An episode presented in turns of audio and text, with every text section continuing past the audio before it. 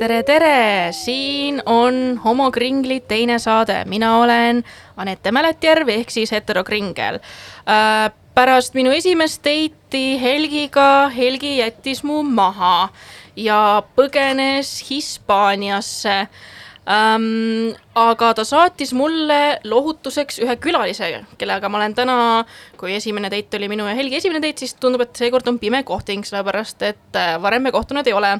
mul on täna külas Markus Pertel äh,. tere tulemast. tere äh,. ja kas alustuseks äh, räägiksid mulle, et miks Helgi sind mulle külla saatis nimelt ma ütlesin Helgile, et ma tahan rääkida vaimsest tervisest kellegagi ja tema ütles, okei okay,, kutsume Markuse, et millega sa siis täpsemalt tegeled?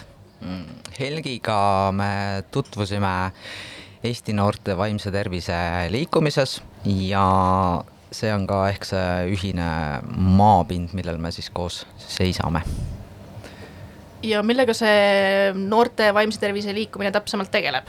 seisab noorte vaimse tervise eest, ehk siis äh, toimuvad üritused, nii siseüritused kui välisüritused, et äh, välisüritused loomulikult siis teadlikkuse kasvatamiseks äh, siseüritused omadele, et oleks fun, tore tutvuda, suhelda mm. -hmm.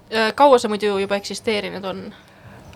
MTÜ on ta nüüd, äh, kui ma ei eksi, siis kolm aastat ja, ja enne seda oli selline ebaformaalne kooskäimine, noh, mis on ka üsna tüüpiline ja arusaadav selliste oma algatuslike mm, projektide puhul siis ja mis siis sinu roll seal täpsemalt on praegu olnud või mis sa täpsemalt teed seal äh,? mul, minu roll oli äh, revisjonikomisjonis olla, aga hetkel see komisjon ei toimi ja seda ei ole ka vaja sinna hetkel.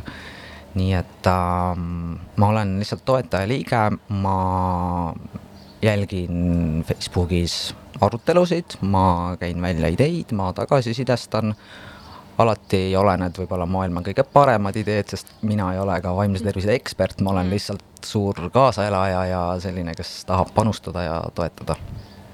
okei okay,, okei okay. ja mis, mis on, millega sa veel tegeled või mis on veel teemad, mis on sulle südamelähedased või millega sa igapäevaselt tegeled mm? -hmm.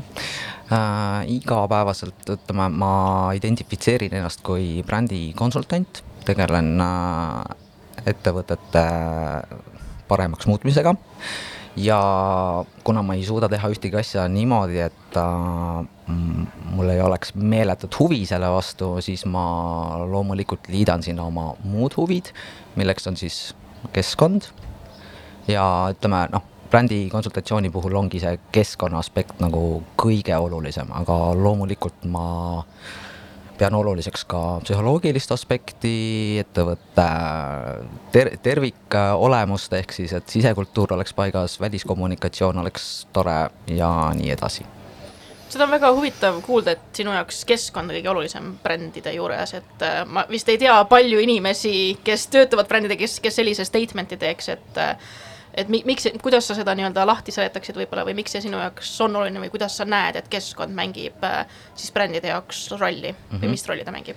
siin on nagu päris mitu küsimust praegu laual, et äh, üks asi on see, et äh, sellisele nii-öelda keskmisele tarbijale on ammu juba ajudele, ajudesse sõitnud see, kuidas suured korporatsioonid teevad midagi kiidavad ennast selle juures ja samas on maailma kõige suuremad plastikureostajad. et ma nimesid ei nimeta, kes tahab guugeldada, leiab paar väga suurt nime väga kiiresti.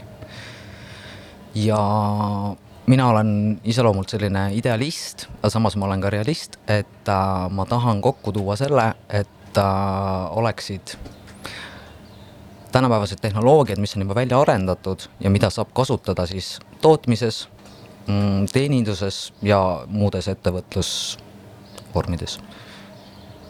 ja kuidas sulle tundub Eestis praegu sellega on lood mm? -hmm. Mm, jah ei ole eriti lugusid, et äh, noh, rääk-, rääkides siin keskkonnainimestega, siis äh, nad ütlevad, et rohepesu on selline sõna, mis tuleks asendada ausalt sõnaga valetamine mm sellepärast et noh, see on selline kena kaunistus, eks ole, et, et äh, teen oma reklaami, panen oma papitükid kuhugi bussijaama vahele, prindin sinna peale, oo, me oleme mega keskkonnasõbralikud. samas minul tekib küsimus, ma loodan ka, et teistel klientidel, et kust need papitükid on tulnud, need on ju uued, mis nendest pärast saab, nad lähevad paberiprügisse.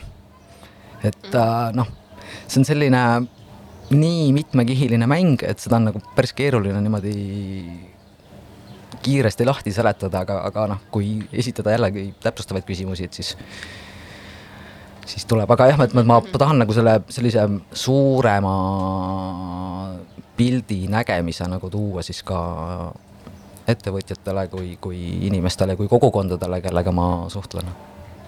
okei okay,, okei. okay äh,. väga huvitav ja kas, kas sina pead ennast aktivistiks? ma pean ennast aktivistiks jah, aga siin on nüüd see aga, et aktivismi saab teha väga mitmel erineval moel, et mhm. loomulikult on kritiseeritud neid, et kes ei lähe lippudega tänavale, mina ei lähe lipuga tänavale.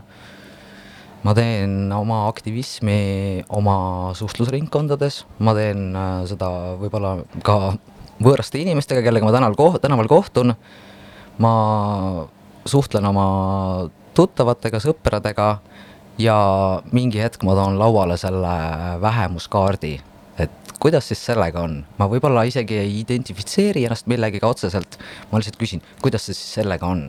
noh, mhm. sealt tuleb kas jah või ei, kui sealt tuleb ei, siis ma hakkan teda heas mõttes trollima et aga, aga see, aga see, aga see, sellepärast et noh, elust enesest mul on neid näiteid ja, ja neid vastuküsimusi päris palju.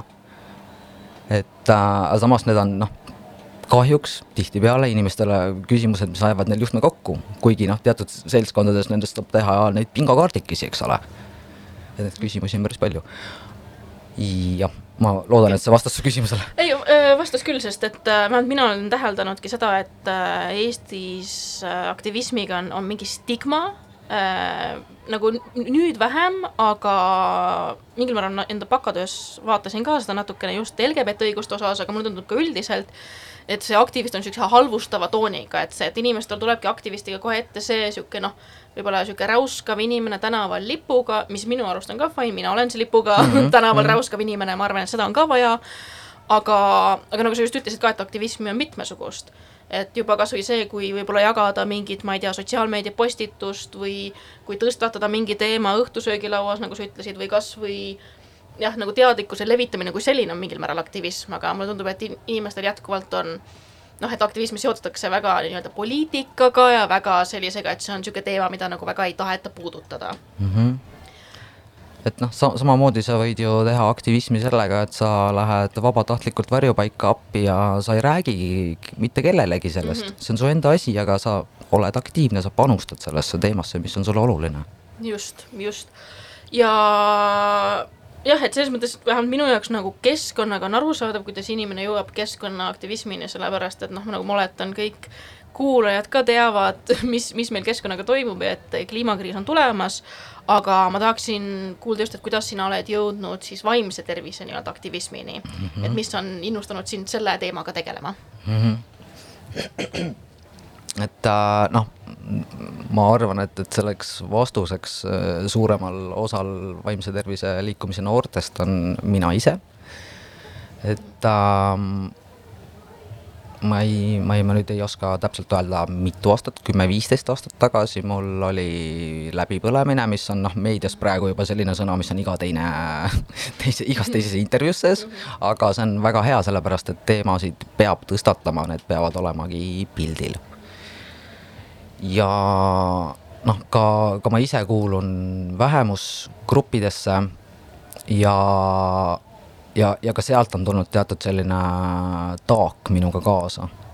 et äh, ja, ja ütleme, et see stressi, need stressipunktid, et neid tuli mingil hetkel hästi palju mitmest erinevast kohast. mind lasti töölt lahti, mul oli isikliku, isiklike suhetega väga keeruline mm. Et, et noh, tulemuseks oli siis depressioon, mis äh, ütleme, testide põhjal oli väga tõsine, aga tol hetkel mina ei läinud ühegi arsti juurde, kes, kes olekski targem kui mina ise, eks ole. et noh, loomulikult see oli selline vale, aga, aga, aga sel, sel hetkel, kui mul oli nagu noh, oleks tõesti olnud võib-olla isegi meditsiinilist abi vaja, noh, akuutset meditsiinilist abi, tol hetkel ma ei teinud mitte midagi. aga, aga jah, et, et, et äh, samas ütleme, kõikide nende aktivismi teemadega on see, et, et ma olen alati nagu otsinud ja tähtsustanud äh, kogukonda selle, selle teema ümber, selle teema juures. et äh, noh, miks ma ka nagu laias laastus võin praegu öelda, võib-olla liiga optimistlikult, et kuidas ma nagu olen sellest kõige raskemast punktist välja tulnud, ongi kogukond, keskkond mm, -hmm. inimesed minu ümber et noh, samamoodi kui ma ütlesin keskkond, siis see tähendabki füüsilist keskkonda, nagu sa ise ka ütlesid, et, et äh, loodus, taimed, puud, loomad, linnud, kalad, vesi, õhk. Mhm, okei, okei ja jah, et, et sa mainisid ka, et, et kui sul seda abi oli vaja, siis sa seda otsinud ja siit, siit mul tuleb sihuke kaks küsimust, et äh, kuidas sulle tundub, et äh, kuidas Eestis praegu sellega on võrreldes varasemaga? et ma tean, ma ise ka nagu no võib-olla ma räägin natuke saade teises osas pikemalt enda vaimse tervise teekonnast, aga, aga ma lihtsalt olen täheldanud ka seda, et noh, mitu aastat tagasi, kui mul hakkasid vaimse tervise asjad, mina ei julgenud nendest rääkida, absoluutselt uh,. okei okay,, ma hakkan, hakkan nüüd juba sellest no, rääkima. räägi, räägi, räägi. Vaela mul oli here uh,. nojah, et nagu minu jaoks just uh, noh äh,, LGBT teema on väga seotud minu vaimse tervisega.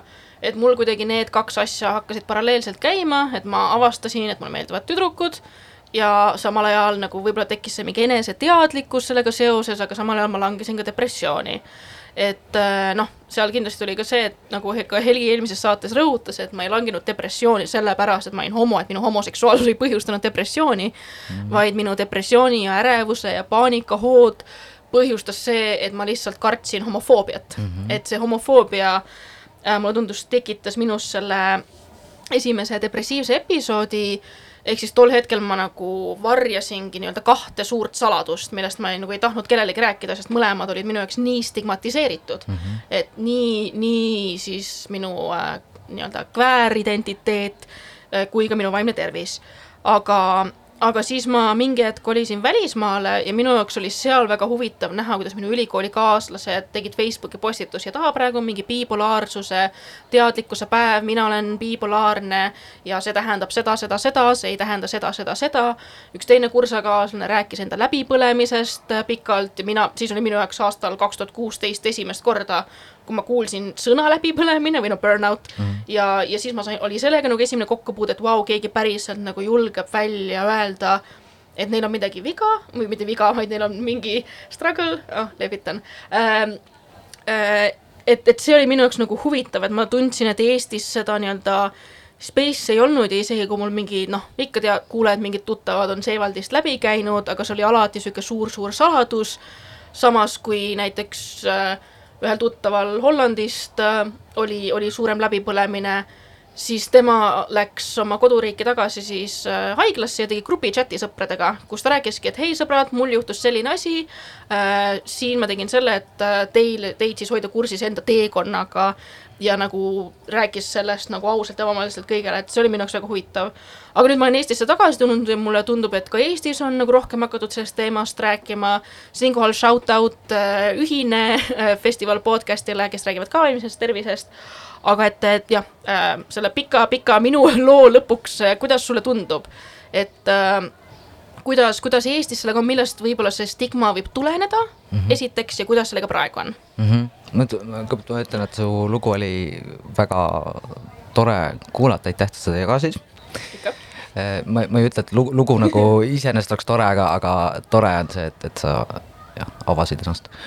aga mm, kuidas sellega Eestis on, no eks ta järjest paremaks ikkagi läheb va, vaevu, aga, aga hakkame nagu selles mõttes natukene Euroopale nagu lähemale jõudma, et äh, kui no ütleme, ma olin, ma olin ülikoolis viis aastat tagasi ja siis oli ka, et, et noh, vanemad professorid ikkagi nagu olid sellised, et äh, noh, hull oli nagu sõimusõna või noh, ütleme, hull ei ole üldse selline sõna, mida nagu vaimse tervise juures kasutada, aga noh, nende jaoks oli see see minevik nagu, nagu nii kuidagi naturaalselt selle, selle juures, et, et kõik, kes vaimsest tervisest midagigi nagu piuksatasid, et noh, mm, seevald, hull, et noh, kõik see nõmedus, et noh, praegu samas mm, on jumalast äge, kuidas nagu noored omavahel räägivad äh, teemadest, mis tõesti olid viisteist aastat, kakskümmend aastat tagasi nagu jõhker tabu.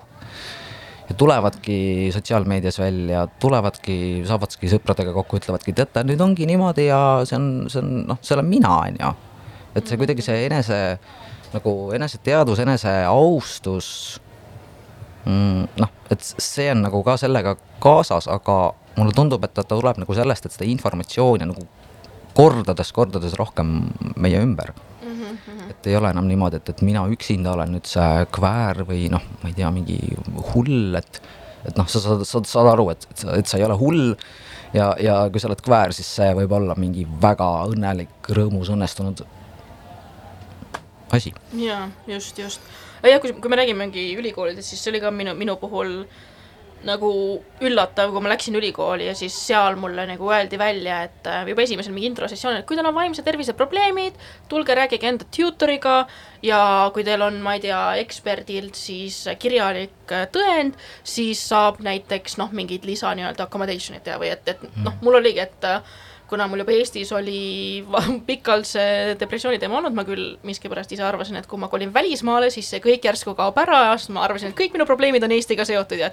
kui ma lähen Amsterdami ülikooli, siis ma olen uus inimene ja mul ei ole enam vaimse tervise häireid äh,. oli küll, aga, aga see oligi huvitav, kuidas, kuidas seal jah, et äh, et kui ma lõpuks sain siis, äh, siis terapeudilt kirja, siis ma sain näiteks mis iganes esseedele pikendusi või kui ma läksin professori juurde, et hei, mul on praegu see, see, see väga halb siis nad olid okei okay,, no worries, et sa saad mm. teha nagu kaks päeva hiljem. Mm.. Meanwhile, kui ma enda koolis äh, lõpuklassis esimest korda oligi siis, kui ma nii-öelda tulin kapist välja vaimse tervisega, et ma olin küll oma äh, kväär, kväärlusega juba suht avalikult kapist väljas, aga vaimne tervis oli ikka see, mida ma hoidsin salaja, siis kui ma koolis äh, ühele õpetajale viimasel aastal ütlesin, et miks ma ei jõudnud tema esmaspäevastesse esimestesse tundidesse väga palju äh, on see, et mul on noh, vaimse tervise häired, et mul on depressioon ja nagu ma mäletan, noh, ma mäletan seda momenti, kui ma seda sellele õpetajale ütlema hakkasin, see oli täpselt seesama tunne nagu, nagu kapist välja tulemine mm, -hmm. et ma nagu see, see tunne, et sa nagu lahkud enda kehast ja sa vaatad ennast sealt ülevalt poolt kuskil ja see on nii hirmus ja sa ei tea, mis reaktsioon sealt mm -hmm. võib tulla mm. -hmm ja noh, sest oligi, sest jah, see õpetaja ei olnud väga õnnelik, et ma seal tundidest palju puudusin, kuigi hinded mul olid head ja siis ma tundsin, et ma pean seda ütlema, üks äh, klassiõde julgustus ka, siis ma ütlesingi selle ära ja siis ma sain vastuseks, aga sa oled ju üheksateist. nii, ming ma, ei, ma olingi okei okay., siis ma lihtsalt hakkasin nutma, sest et noh, kui niisugune reaktsioon tuleb, siis ma olin, ja ma ei tea, kas ta mõtles seda, et ma olen liiga vana depressiooniks või et ma olen liiga noor depressiooniks, ma ei saanudki täpsemalt aru, mida, et kas üheksateist nagu, mis, mis see vanus seal oli, aga, aga jah, ma mäletan pärast seda nagu kui ma ülikoolist sain nagu professoritelt väga niisugust julgutava, julgustavat nagu tagasisidet ja toetust ja abi ja kas või seda, kui üli, nagu osad õppejõud hakkasid enda mingist tudengipõlvest rääkima, kuidas nemad vaimse terviga äh, siis seal kimpus olid ja, ja et äh, noh, eriti just need õpetajad, kes ongi, et okei okay,, Anette, et sulle praegu tundub, et ülikool on mingi number üks asi ja, ja kõige olulisem asi, aga tegelikult vaimne ter-, tervis tuleb esimesena. et tihtipeale noh, me räägime, rääkisime siin läbipõlemisest, et mulle tundub tihtipeale ongi töö ja ülikooliga, et see tundub nii, nii, nii, nii suur ja sa oled seal nii kinni kuidagi ja see tundub nagu kogu noh, et see on see kogu su elu ja kogu maailm, et su elu nii-öelda sõltub sellest. aga, või mingi, et kas sa saad, saad selle kursuse läbi, kas sa saad selle projekti tehtud, kas sa saad selle palga, kas sa mis iganes, mis iganes. aga kui sa vaatad nagu suuremat pilti, siis mida mina õppinud olen, ongi vist see, et tegelikult noh, vaimne, vaimne tervis tuleb ikkagi esimesena ja mm -hmm. tervis üldiselt mm. -hmm. Mm -hmm. nõus. ma arvan, et nüüd teeme väikse pausikese ja mängime äh, Helgi saadetud sooviloo.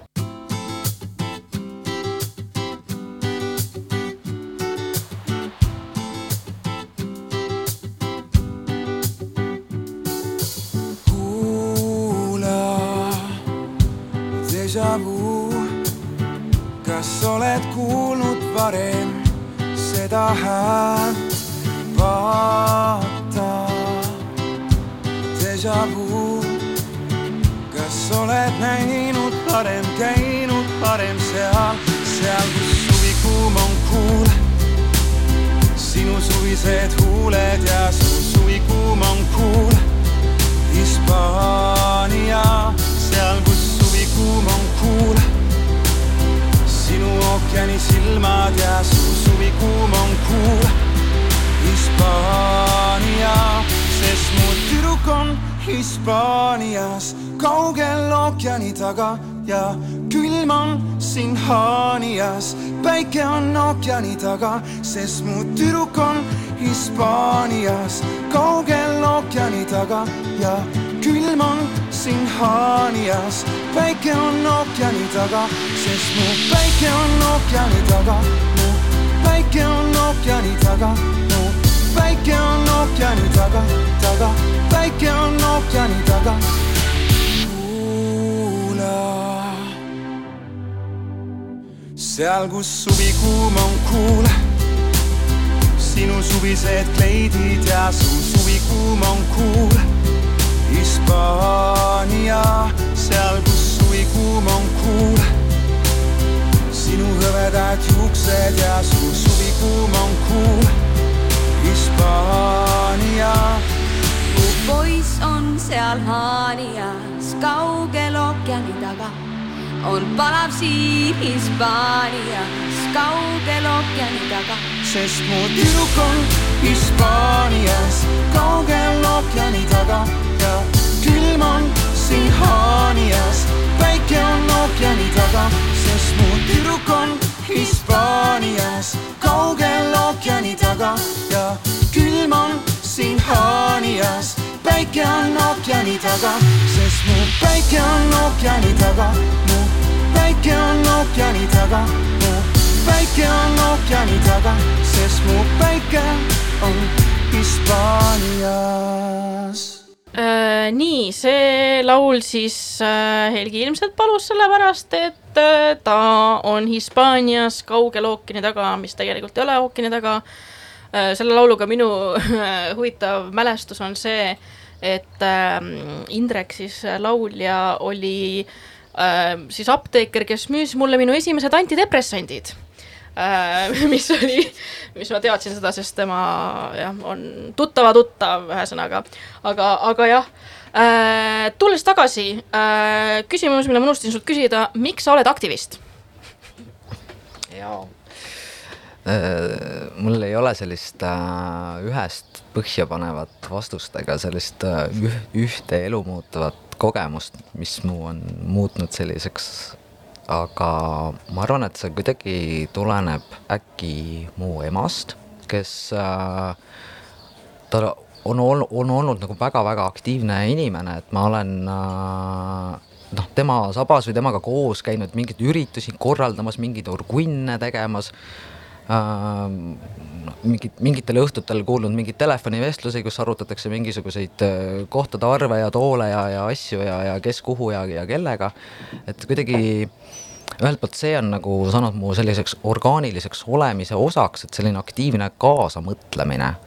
Ja teiselt poolt see, et, et kuna ma olen idealist, aga toonitan taaskord realist äh,, siis äh, noh, selline, need ongi sellist kaks sellist osa, mis on minus nagu kohtunud, et äh, ma, ma tahan anda oma panuse siia maailma, ma, ma tahan, et, et äh, noh, maailm saaks reaalselt paremaks et äh, ma ei, ma ei, ma ei arva, et, et siin, siin peab panema minu nime siia alla kirjutama, vaid, vaid ka see, et ma saan toetada kedagi, ma saan öelda, et jah, sa teed, minu meelest sa teed super asja, kui sa tahad mingisugust ähm, kaasamõtlemist, abi mingitel teemadel, siis tule, küsi, võib-olla ma saan sind aidata, võib-olla ma ei saa sind aidata, kui ma ei saa sind aidata, siis ma võib-olla oskan kedagi, kes saab sind aidata.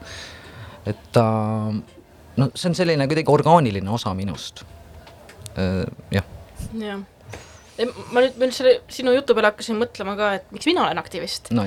ja noh, selles mõttes ma, ma, ma mingil määral olen ka alati olnud see inimene või vähemalt olen olnud see inimene, kus mul on see õiglusjanu, et see on võib-olla see üks pool, kus ma tahan võidelda õigluse nimel ja kui on mingi ebaõiglus maailmas, siis, siis see ajab mind kohutavalt närvi aga, aga nüüd, kui ma mõtlen sellele, siis tegelikult ka mul, ma mäletan, kaks tuhat neliteist äh, oli vist äh, kus mul oli mingi veits sihuke, mingi eksistentsiaalne kriis miskipärast. kuigi ma olin seitseteist suht noor, aga mulle tundus, et mul on mingi midlife crisis ja ma hakkasin mõtlema, et mis, mis on mu elu mõte.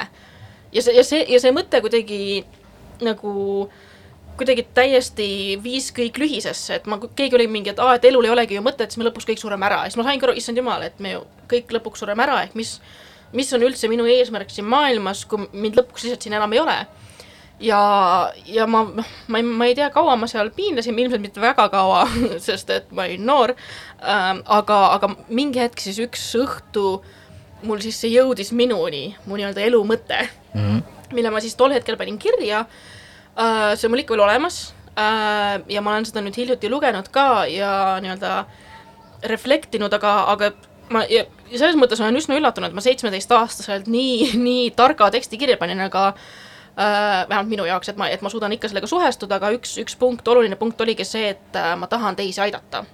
et ma tahan, et, äh, et minust jääks parem maailm alles, nagu sa ütlesid ka, ja ma tahan, et, et inimesed ei peaks võib-olla kogema seda, mida mina olen kogenud mm. -hmm. et tu-, tuues tagasi siia LGBT teema juurde, et kuna minu jaoks noh, jälle see äh, minu identiteet ja vaimne tervis olid väga suures seoses ja ma just sellepärast tundsin väga suurt häbi ja depressiooni siis, siis see oli see minu eesmärk, et ma, et ma ei taha, et ükski teine neljateistaastane noor Eestis tulevikus peaks sedasama tundma, et ma tahaks, et meie ühiskond oleks piisavalt aktsepteeriv, et need inimesed nojah, saaksid, saaksid kasvada üles suhkusega.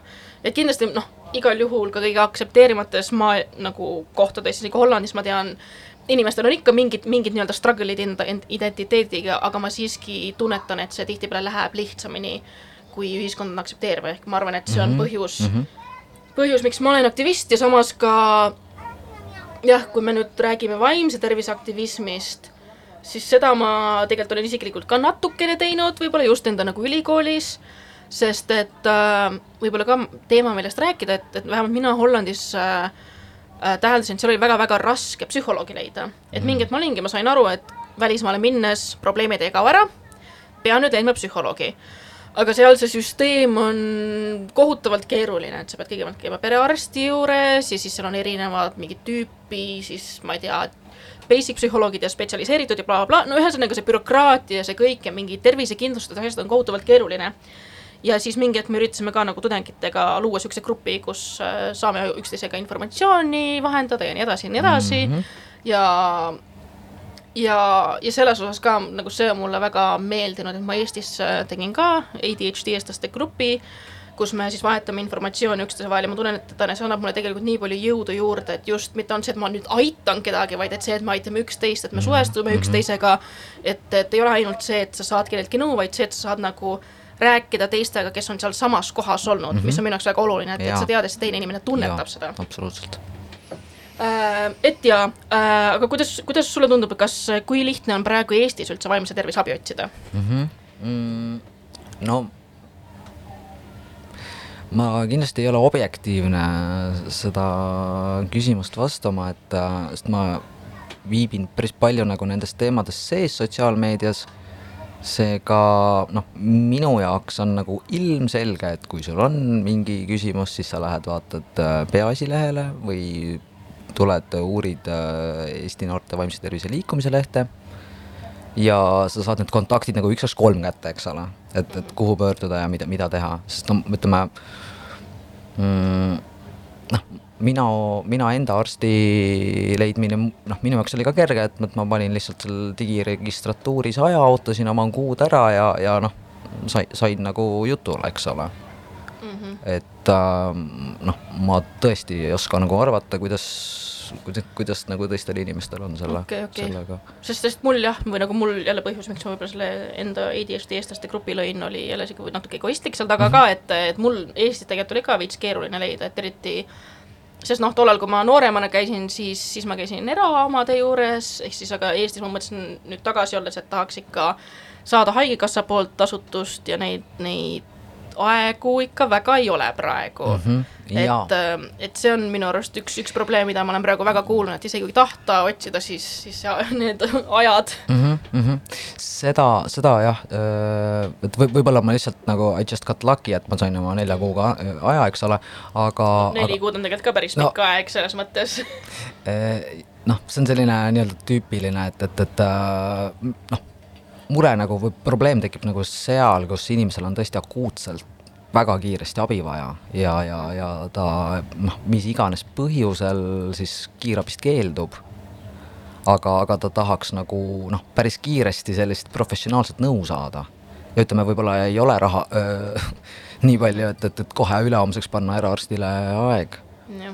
Et noh, võib-olla, võib-olla see ülehomme on nagu selles mõttes liialdus, aga no ütleme, noh, nädal oleks ju täiesti mõistlik, mille jooksul arsti juurde peaks, võiks saada, aga noh, see on jälle selline ide ideaalmaailm. Kuigi seal on tegelikult ka võimalused olemas, sest et jällegi rääkides isiklikust kogemusest, siis äh, läbipõlemisest, siis mul üks jah, üks suuremaid läbipõlemisi, mis mul vist on olnud, oligi kaks tuhat kaheksateist suvi, kui ma olin äh, Eestis, töötasin nii rest-, poole kohaga restoranis, poole kohaga tegin oma praktikat ja juba noh, enne seda ma ülikoolis äh, õppimise kõrvalt töötasin natuke liiga palju ja mingid muud projektid ja blablabla bla, bla.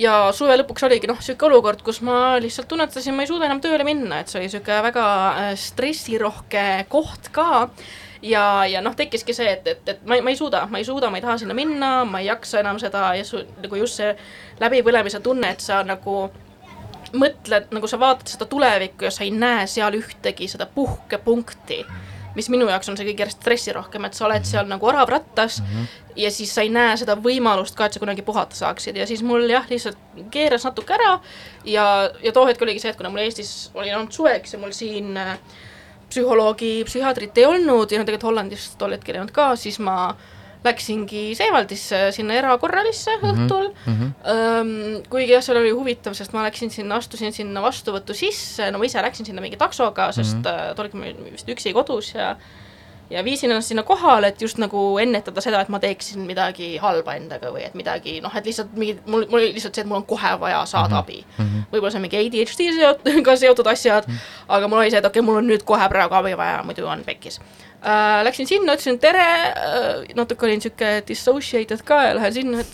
tere, mul vist oleks natuke nagu abi vaja, siis mingi tulge homme hommikul tagasi ja, ja. et, et see oli, see oli huvitav, aga siis ma, okei okay,, järgmine hommik ma ei jõudnud, aga läksin ülejärgmine hommik ja ja seal isegi sai siis selle valvepsühhiaatri juurde, kes isegi päris kaua veet-, noh, et ei olnud see, et lihtsalt lähed sinna, kirjutatakse rood välja ja nägemist mm, -hmm. vaid ikka vestlesin temaga, kuigi noh, seal oli ka see vaimse tervise õega, sain natuke homofoobiat tunda, aga mm, -hmm. aga disclaimer, see oli ainult üks kord, viimati kui ma vaimse tervise juures käisin seal, siis ta oli väga-väga tore, ehk äh, ei taha siin kedagi nii-öelda äh, disencourage ida abi otsimast, aga jah, igatahes, et tol hetkel jah, ma saingi, et lihtsalt teistele ka infoks, et äh, kui ikka väga pekkis on, siis sinna Seevaldi valvepsühhiaatri juurde saab ja tema andis mulle ka mingid kontaktid, et äh, on ka näiteks Tallinna linn maksab, on siis äh, vist kriisiabi äh,, psühholoogiline nõustamine, kus ma käisin ka paar korda, et tegelikult noh, et kui, kui on väga-väga erakorraline, siis need äh,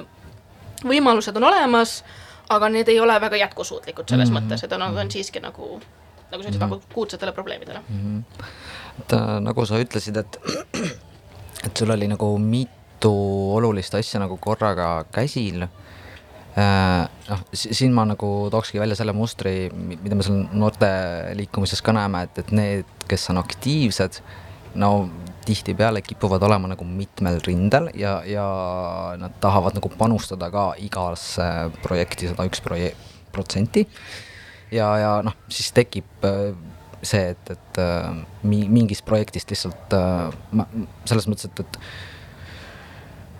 kas noh, lihtsalt, lihtsalt on raske nagu fookust hoida mitmel asjal korraga ja noh, ja siis jah aitäh, et kirjeldad minu praegust elu ja olukorda. Sest ei, ma, ma, mul on, mul on see põhiprobleem, miks ma tahtsingi kellegagi siin vaimsest tervisest rääkida, sest ma praegu ise olen ka kuidagi jälle võtsin mingi miljon projekti ja nüüd veel täiskohaga tööl ja teen saadet ka siin veel ja, ja lõpuks ongi see, et kuidas, kuidas ma seda kõike jõuan. aga nüüd ma vist isiklikult äh, olen leidnud selle viisi, kuidas läbipõlemist natuke vältida nii ava saladust ähm,. nagu sa mainisid, tegelikult loodus aitab väga palju keskkond on ääretult oluline just. ja nii. et, et just see ja nagu lihtsalt leidagi end, no okei okay,, number üks on see, et sa saad aru, et sa oled läbi põlemas. number üks on see, et sa saad aru, et sul on mingi stress, et, et lihtsalt seda endale teadvustada, nii. Äh, ma ütlen veel, et, et äh, läbipõlemise selline ennetav märk on see, et, et äh, inimene tahab teha väga palju asju ja, ja ta ei tunne, et, et need asjad hakkavad nagu üle pea käima. et ta tahab noh, mida, mida kõrgemale see pinge tõuseb, seda rohkem ta nagu endalt nõuab ja, ja siis käib mingi klõps mingi hetk. et kui, kui te suudate nagu või noh, kui, kui inimene suudab ennast nagu äh, jälgida siis, siis ta võiks, võib selle ära, ära nagu tabada, et aga see on päris keeruline, aga see on võimalik. no see on keeruline ja, või no just minu jaoks, mis ma, psühholoog ütles äh, mulle paar nädalat tagasi, mis ma avastasin, ongi see, et ma lihtsalt nagu tegin, tegin asju ja just see, et ma ei jõudnud tegelikult reflekteerida enda vaimset Mhm. tervist mm. -hmm. et nagu tavaliselt, kui ma nagu keegi küsib, kuidas sul läheb, no ma tean, kuidas mul läheb, isegi kui mul läheb halvasti, siis ma ütlen, okei okay,, mul läheb nüüd halvasti, mul läheb okeilt, mul läheb hästi, nagu ma tean umbes, mis mu vaimne seis on. aga nüüd paar nädalat tagasi või millal see oli, kus mul oli rohkem niisugune periood, kus ma kuidagi väga palju stressi ja väga palju segadust ja kogu aeg oli midagi, midagi, midagi mm., siis ma mingit sain, saingi aru, et ma pole umbes kaks nädalat enda sinna Dailyo, mis on niisugune mood tracking äpp, et sinna ma ei olnud kirjutanud, ma ei olnud üldse nagu endalt küsinud, et kuidas mul tegelikult läheb ja mul ei olnud seda aega, et aru saada, kuidas mul läheb ja juba mm -hmm. see oli minu jaoks nagu mm -hmm. esimene niisugune halb märk ja noh, pluss, pluss lihtsalt see, et mingi hetk oligi noh, väike, väike niisugune võib-olla see breakdown moment, mis oli noh, mitte niisugune suur äh, õnneks, aga see niisugune veits ve- wake up call, et ah oh,, seda on kõike liiga palju, ma ei suuda seda handle ida mm.. ja siis minu jaoks oligi see, et okei okay,, nii, nüüd ma vaatan enda mingid to-do list'id või projektid eestsääd üle, mis mul praegu käsil on, mille ma saan edasi lükata, millele ma saan ei öelda, kust ma saan endale aega leida puhkamiseks, mis on ka väga keeruline tegelikult, just nagu võib kõlada väga basic ult, et leia aeg puhkamiseks, aga kui sa oled seal oravrattas, nagu sa ei leia seda aega si-, si-, siia mul meenus üks nipp äh, veel, et, et kui, kui meil see kalender on nagu ära book itud, et siis ilgelt kaval on book ida sinna ka date iseendaga. Ja sa võtadki sealt nädalast või päevast selle aja ja ütled, ma olen busy, kõik äh, telefonid, asjad paned kinni ja sa tegeledki noh, enda sisemaailmaga. kui, kui sa muud moodi ei, lihtsalt ei, ei kuku sülle seda vaba aega. Kusjuures jah, ma üritasin ka mingi hetk umbes taolist teha äh,, sest mul jah, nagu ma olen siin mingi miljon korda juba maininud, mul on ADHD, mis äh, see on omaette lugu, kuidas see diagnoositi mul alles ülikooli viimasel aastal, nii et mul endal polnud õrna aimugi, et mul see üldse olla võiks. ja siis, kui ma selle diagnoosi sain, siis järsku terve mu elu make'is sense'i mm. -hmm. aga, aga kuna jah, nagu ADHD-ga just see aja planeerimine ja päeva planeerimine on teema, siis kui mingi hetk ma üritasin seda teha, just siis, kui ma olin niisugune oma aja boss ja kõik projektid olid niisugused enda algatatud õhinapõhised, siis äh, siis mingi hetk oli ka, et issand, mul on nii palju teha ja ma ei tee mitte midagi ja, ja seal siukesed, aa, et ma terve päeva nagu prokrastineerin. ehk et ma nagu terve päeva ei tee midagi, aga lõpuks ma olen ikka väsinud, sellepärast et ma olen pidevalt millegi tegemisele mõelnud mm.. ja üks sõber ütles ka, et Anette, kas sa üldse puhkad ka, et kas sul ongi mingi hetk, kus sa nagu chill'id ja et sa ei mõtle isegi nagu enda tegevustele, siis ma saingi aru, et ei ole. ja ja siis mu trip, nii-öelda see trikk oligi siis see, et kui ma enda päeva planeerisin, ma panin nagu plokkidena ära. Et kuna mul terve päev oli vaba, siis ma nagu tööle käin, tegin muid projekte, siis ma tegingi, et okei okay,, nüüd sellest kellast selle kellani ma chill in, sellest kellani selle kellani ma olen produktiivne, siis on jälle chill in, et see, see tegelikult aitas ka päris palju. aga mis, mis on sinu võib-olla nipid? kui nüüd liik-, liikuda jälle nagu äh, juba sujuvalt liikusime selle juurde, et just äh, kuidas mitte läbi põleda ja kuidas mitte tegelikult äh, võib-olla aktivistina läbi põleda. okei okay, äh,, kuidas aktivistina mitte läbi põleda, selles mõttes, et ta mm,, mina olen nagu selles mõttes ma olen, ma olen nagu sündinud sellise ene, enesevaatlusvõimega, et, et kuna ma olen introvert, siis ma nagu tegelengi selle sisemaailmaga nagu võib-olla natuke rohkem ja mm, noh, ma arvan, see enese jälgimine on äh,, on, on nagu selline võtme, võtmeasi. Aga, aga kuna meil on nagu see ühiskond informatsioon, meedia, tänav, liiklus, kõik pommitab meid kogu aeg. et siis on nagu jube raske on nagu enesesse jõuda, sellepärast et sa pead kogu aeg reageerima mingisugusele välisele asjale, et paned like'i või, või, või ma ei tea, kirjutad ruttu mingi kommentaari või võtad mingi kõne vastu või vastad mingile sõnumale, sõnumile ja nii edasi. et äh, et, et noh, mina olen nagu mõtestanud seda aktivismi enda jaoks niimoodi, et ta ikkagi on äh, vaba, selles mõttes see kõlab nagu e, e esialgu ta kõlab nagu halvasti, et vaba aja tegevus, et noh, et lihtsalt mingi käin ja lähen ja teen midagi, et noh, et jolo on ju. aga, aga tegelikult on ikkagi see, et ma arvestan sellega, et minu aktivism äh, sisaldub minu vabas ajas, see ei ole no Eestis on väga vähe aktiviste, kes palka saavad, kuigi neid on õnneks. et, et aktivismi see, see plokk on minu vaba aja ploki sees.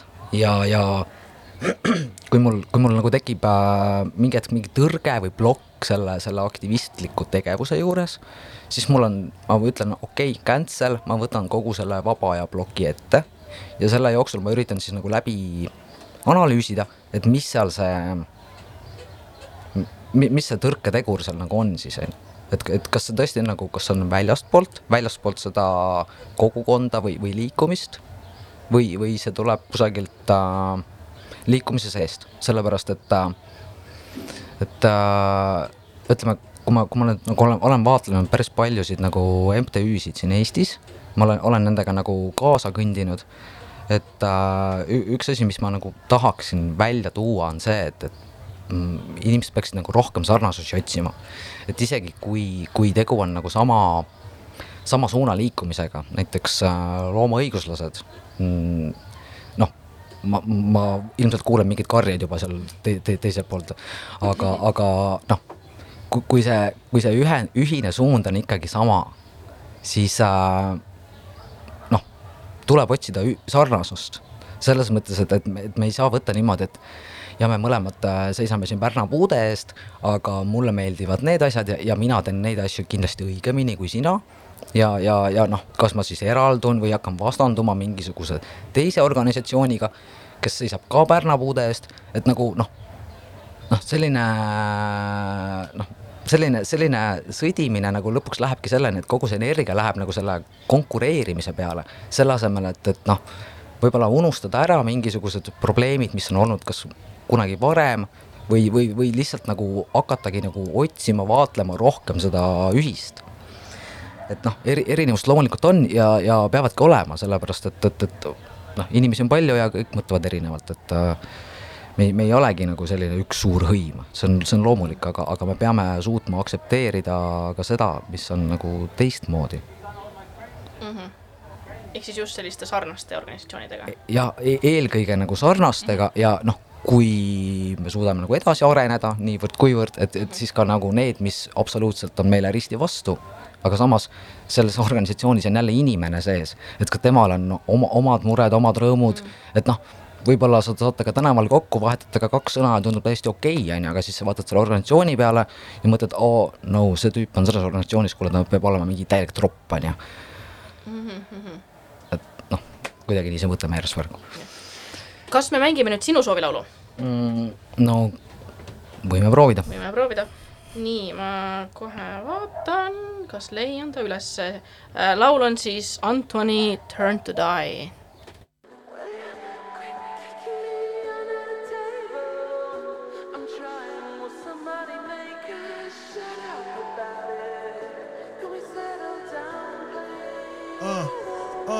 Hey yo, I'm new millennium like popping pills and sniping. Introduced to the tab, you girl got gas like she was down the trot it. Y'all niggas ain't got no confidence. Back for the dollar like common sense. I'm a rock from a niggas big fire when I hold it up like one of four horsemen. Broke nigga make sense of that. Mark more swag, nigga run tell that. I'm in the outback, I'm smoking loud packs. I'm ratchet with my niggas,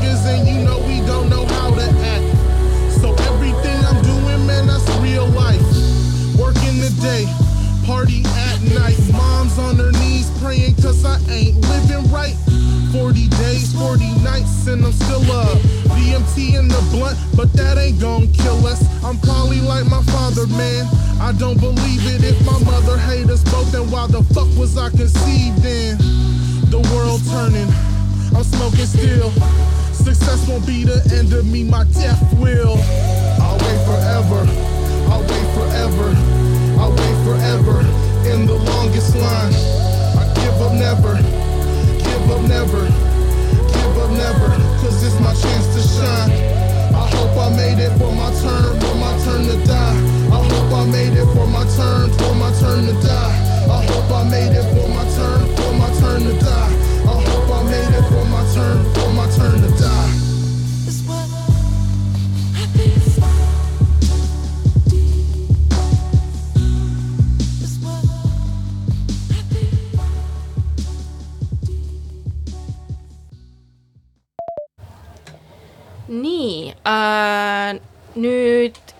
Viimases segmendi alustaks sellega, et äh, meilt sai küsida ka küsimusi ähm,. ja meile tuli selline küsimus, et kuidas see ebaõiglus nii lähedal lihtsalt otseteed depressiivsesse episoodi ei saada. aitäh küsimuse eest, saadab küll. just, et äh, siin üks asi, mida ma väga-väga ei tähtsustan ja ei suuda mitte kunagi üle tähtsustada, on kogukond ja inimesed sinu ümber mm. -hmm. et äh, need on inimesed, kes tõenäoliselt mõistavad sind rohkem kui su pere, võib-olla ka rohkem kui su lapsepõlvesõbrad et äh, noh, tõenäoliselt on nad tulnud nagu väga sama rada pidi või siis jõudnud väga teist rada pidi, aga päris sarnasesse punkti, kus sa viibid. ja on tõenäosus, et äh, keegi neist on tulnud ka sellest punktist läbi, kus sa praegu ennast üksinda ja, ja masenduses tunned, eks ole. et äh, noh, ka, ka mina olen seal olnud ja, ja, ja, ja see ongi see, miks ma seda ei ei, ei suuda mitte kunagi nagu piisavalt tähtsustada. et äh, inimene on sotsiaalne olend ja, ja noh, meil on, meil on vaja suhelda, meil on vaja olla üksteisega koos ja jagada oma muresid ja rõõme. et, et see on täiesti noh, absoluutselt iga, igas kogukonnas, et, et vahet ei ole, mis teema see on, oluline on see, et, et su ümber oleks sarnaseid inimesi ja kui su ümber ei ole sarnaseid inimesi, siis tee nii nagu meie saatejuht, loo iseenda grupp, loo iseenda noh, mis iganes keskkond, platvorm, kus sa, kus sa saad kutsuda ja, ja kuhu sa noh, mis mingi hetk hakkab ise kasvama, kui, kui seal on nagu piisavalt tuuma sees. Ei, ma, ma sada protsenti nõustun, et äh, jällegi, kui ma vaatan ka enda teekonda vähemusena, siis mis ongi aidanud, on see nii-öelda chosen family mm -hmm. ehk siis see valitud perekond ehk need inimesed, kes aktsepteerivad mind sellisena, nagu oled, aga ongi täpselt nagu, et kellega saab enda muresid ja rõõme jagada äh,. kas sina oled enda töös ka kokku puutunud äh, mingite vähemusgruppidega ja nende vaimse tervisega, et kuidas mm. -hmm. Jah. ma, ma arvan, et võib-olla professionaalselt tööalaselt otseselt mitte, et, et noh, niivõrd-kuivõrd, et ma ütlen lihtsalt, et ma ei diskrimineeri mitte kedagi ja, ja, ja kõiksugu erinevused on, on nagu minu jaoks sõbrad, aga mm, vähemusgrupid. Vähemusgrupid. Ja vaimne tervis? Äh, ja ütleme, see, see kokkupuutepunkt on siin ilmselge, sellepärast et äh, kui me oleme seda maininud, seda sõna stigma, siis äh, ma arvan, et see vaimse tervise teema jääb vähemusgruppidega kaasa, kuni see stigma saab piisavalt ära lahustatud inimeste meeles. Jah. Ja, ja mis sellega, sellele kaasa aitab, on loomulikult äh, informatsioon, info jagamine, et, et noh, vahet ei ole, millises vormis see toimub, kas see on tänaval lipuga või see on mingi blogiartikkel või, või noh, mis iganes podcast, et äh, kui sa juba tead, et, et sa ei ole enam üksinda, kui sul noh, sa, sa, sa tead, et ahah, seal on veel mingi saade, seal on veel mingi blogi ja seal on keegi veel, kes, kes nagu noh, räägib minu elust sisuliselt. ja siis mingi hetk nagu vaatad, et oo, neid on, neid on veel, veel, veel, veel et siis sa nagu hakkad tundma sellist äh, eneseväärtuse tõusu. et äh, me oleme teistsugused ja me oleme jumala lahedad. et, et see hetk nagu ära tabada, siis on, siis on see kogukond nagu oma suure osa oma tööst teinud vast. ma ei ütle, et, et, et kogukonna töö nüüd lõppenud, vaid, vaid lihtsalt see, et, et see oluline vä- väärtuspunkt on kohal. jah, ja siis ma mõtlen ka, et, et noh, Eestis ma ei teagi väga või noh, ikka on, noh, ma tean, et näiteks LGBT ühingul on list siis psühholoogidest äh, ja vaimse tervise ekspertidest, kes on siis LGBT sõbralikud. aga, aga jah, et, et ma ei olegi näinud kuskil, pluss ei ole, noh, see ei ole tegelikult avalikult üleval ka, et kui küsida, siis selle saab aga Eestis ma olen võib-olla vähem näinud just seda spetsialiseerumist äh, sellel teemal mm, -hmm. et just teatud vähemusgruppidega mm. -hmm. et äh, näiteks Hollandis on mul nagu vedas üks sõber soovitas sihuke ähm, nii-öelda vaimse tervise keskus nagu ekspertiisetsentrум Transcultural Therapy, kus nad siis vaatasidki, selle asutaja on siis äh, mustanahaline vanem gei mees, kes oli ka minu psühhiaater, just võitis ühe auhinna ka, et ta nii-öelda the mental health father of mm -hmm. queers in Amsterdam ja, ja ta tegigi selle keskuse selleks, et siis äh, Hollandis oleks äh, nii mustanahaliste kogukondadel kui ka queer kogukondadel kuskile tulla, kus nad teavad, et nende psühholoogid ja psühhiaatrid on siis vastaval alal kursis. Mm -hmm., pluss see, kuidas seal teraapias nagu väga suur roll oligi selles, kuidas nii-öelda sinu erinevate identiteetide ristumine mõjutab sinu vaimset tervist. Et mis, mis oligi väga huvitav, kuidas äh, noh, mina Hollandi saades sain oma psühholoogiga siis nii-öelda analüüsida ja mõjutada, et kuidas näiteks minu Eesti ja minu eestlase ja minu queer identiteet mõjutab minu vaimset tervist ja kuidas ma saan mingeid enda enda juures mingeid asju, mis mulle näiteks ei meeldi, kas mingid käitumised, mingid mustrid, mingid mõtted, muuta nii, et ma ei muuda enda identiteeti selles mm -hmm. osas mm. -hmm. et, et see oli väga huvitav ja sellist asja ma tahaks Eestis ka rohkem näha. oota, ma, küsin, küsin korra vahele sulle, et, et äh, aga kas on nagu noh, see on teada, et inimene jääb ju iseendaks, eks ole, vahet mm -hmm. ei ole, kas ta on kodus või eemal, aga noh, mina näiteks olen tajunud oma reisidel, rännakutel, väl-, väljaspool viibimistel, et see noh, taaskord ühiskond, keskkond, inimesed sinu ümber, et, et nad midagi ikkagi muudavad minus. et, et kas sa noh, sinul oli ka võib-olla midagi, midagi sellist või, või ei olnud? Ma ei teagi, mulle tundub, et miskipärast ma olen sihuke inimene, kes väga ei muutu või ma kas muutun nagu väga palju või mingil määral ei muutu üldse. Et või ma tean vähemalt mu sõpradel on see, et aa, Anett jääb alati samasuguseks, aga no samas mu enda jaoks see muutus on alati väga suur. et ma ise just, võib-olla see mõttemaailm, kus ma olen või see, see minapilt mul muutub väga palju, aga võib-olla see, kuidas ma käitun, jääb samaks. aga no minu jaoks nagu Hollandis elades noh, ma arvan, et seal võib-olla ainuke asi, mis muutus, on, on see, kuidas ma võtsin oma eestlase ja Ida-Euroopa identiteedi äh, väga omaks mm.. aga no see on, see on juba võib-olla natuke teine teema mm., et seal, seal mul tekkis see, et aa, ma teen seda niimoodi sellepärast, et ma olen eestlane mm. -hmm. mis mingil määral noh, oli ka, et, et ma tean ka teised eestlased, kes on võib-olla välismaale kolinud, on see, et aa, kõik on on see, et aa, issand, sa oled nii võib-olla mingi kuri või et nii otsekohene kohati äh, võrreldes osade teiste maadega või kasvõi siuksed, noh, see eestlaste huumor ja sihuke sarkasm ja, ja iroonia, mida väga ei mõisteta. et, et no ma kindlasti muutusin seal ja võib-olla muutusin jah, võib-olla kui tulla vaimse tervise juurde tagasi, siis natuke nii-öelda soft imaks, et natuke lumehelbekesemaks mm..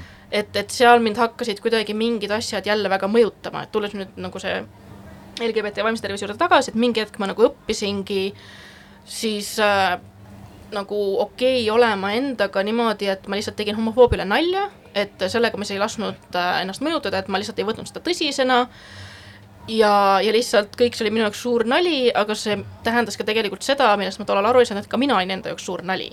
et ma ei võtnud ka ennast tõsiselt, et ma pöörasin nagu kõik suureks naljaks, ei võtnud midagi tõsiselt ja ja noh, mingi hetk see maksis mulle tagasi, maksis kätte, kui EKRE kutsuti valitsusse, siis ma ei, siis mul oli teine elu sihuke suur burnout, kui ma hakkasin mingi EKRE vastast aktivismi tegema ja, ja üldiselt äh, juba ka see varasem töötamine, töötamine, töötamine.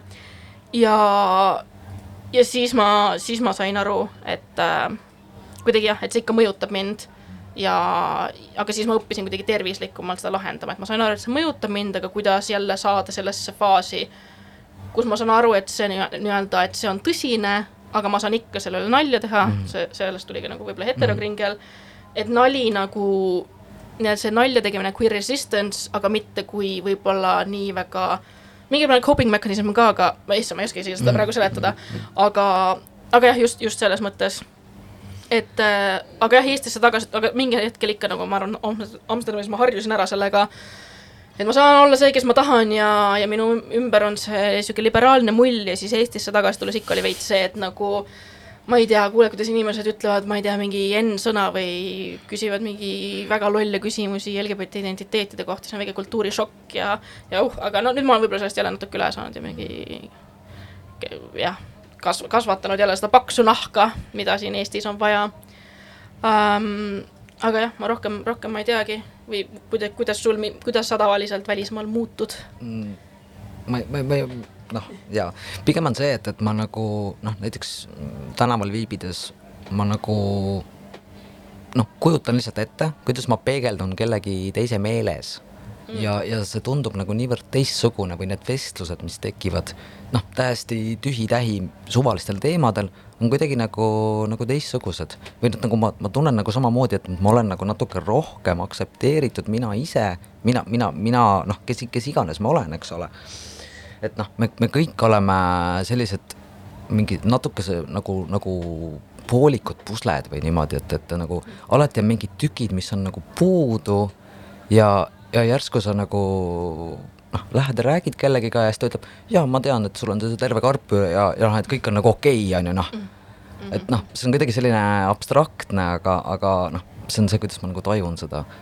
et äh, nagu sihuke terviku aktsepteerimine on nagu parem või, või samas, samas nagu mingis mõttes nagu selline süüdimatu olek, et keegi nagunii ei tea, kes ma olen ja noh, teen, mis ma tahan, eks ole. aga noh, see ei tohi minna selliseks nõmedaks muidu mm. -hmm võib-olla lõppu küsiks siis sellise küsimuse, et mida ma natuke juba rääkisin ka, aga äkki sul on ka mingeid häid nippe, et äh, just siis vähemusgruppidele ja praegu siis Pride kuu puhul just LGBT noortele, et mis oleks sinu need nipid, me rääkisime kogukonnast, äh, aga lisaks kogukonnale, et kui keegi ongi praegu üksi näiteks ja tal seda kogukonda ümber ei ole, siis mis on need nipid, kuidas enda vaimne tervis hoida, hoida joone peal? väga keeruline küsimus selles mõttes, kui, kui sa, kui sa, kui, kui nagu noh, sa oled üksi, siis sa nagu noh, pigem nagu kujutad ette, et sa oled nagu kõigist ära lõigatud ja, ja sa oled nagu niivõrd teistsugune ja mitte keegi ei mõista, et, et noh, absoluutselt ma ise olen seal samamoodi sellises olukorras olnud, aga see ei tohi mõt-, see ei tohi muutuda selliseks äh, ainsaks olemise viisiks või selliseks mõtteks, mis sul peas nagu kogu aeg ringi ratast käib, et ma olen üksi ja keegi ei mõista et, et noh, sellel hetkel ongi nagu võimatu sul nagu endast nii-öelda heas mõttes välja astuda, et nagu kuhugi see käsi sirutada ja öelda, et äh, tere, ma tahaks lihtsalt kellegiga rääkida millestki. aga samas see kellegiga lihtsalt millestki rääkimine ongi mõnikord väga-väga oluline. Ja, ja see ei pruugi olla isegi mingisugune oluline tähtsündmus su elus, see ei pruugi olla kapist välja tulemine, see võib olla lihtsalt see, et äh, et sa paned võib-olla endale külge mingisuguse elemendi, mm, millega sa ennast väga seostud või, või identifitseerid ja sa lähed oma sõbraga jäätist sööma ja noh, sa ei räägi sellest, tema ei räägi sellest, aga, aga sul on see vikerkaarevärviline kõrvarõngas näiteks. ja, ja noh ole, oleneb nüüd sõbrast ja oleneb sellest olukorrast, aga noh, mõnel juhul on see täiesti okei okay,, sõber märkab, ta mõistab ja, ja noh, tal ei teki mingeid küsimusi, on ju. põhiline on see, et sa, et sa ise ei tohi nagu mingis meeletus pinges olla, mis nüüd saab, mis nüüd saab, on ju. ja, ja kui keegi teeb mingi nõmeda märkuse, ütled mingi oi ups, ma ei tea, ma panin mingi vale asja mingi vanaema kõrvalõngaga kogumata, on ju. et noh, jah. mina ütleks lõpetuseks äh, lihtsalt enda kogemusest jällegi, mis mind aitas enne kui me siin lõpetame, uued inimesed on juba siin äh, äh, olemas, aga äh, mis mind aitas, olid filmid, sarjad mm -hmm. ja just see representation, et ongi, et kui sa oled ise see kapis noor, kes kes ei saa sellest kellegagi rääkida ja kellel ei ole kokkupuudet teiste LGBT inimestega, siis just äh, jah, see meedia, meedia, kas LGBT inimeste jälgimine, erinevad saated, kus on siis LGBT inimeste lood ja asjad, et vähemalt mind tollal nagu That's mm -hmm. what got me through it all mm. -hmm. Aga jah äh,, nüüd hakkab meil saade vaikselt läbi saama, suur aitäh, et tulid äh, ja rääkisid minuga. aitäh äh, kutsumast. ei ole, kas on veel mingid lõpetussõnad, mida sooviksid äh, kuulajatele öelda äh,? peaasi ja Eesti noorte vaimse tervise liikumine, et äh, mõlemad on väga-väga sõbralikud ja vähimagi vähi, vähimagi tõsise mure puhul, kas enda või enda sõbra puhul, siis lihtsalt pöörduge ja kõik on sõbralikud ja keegi ei hammusta teid. just, aitäh! aitäh!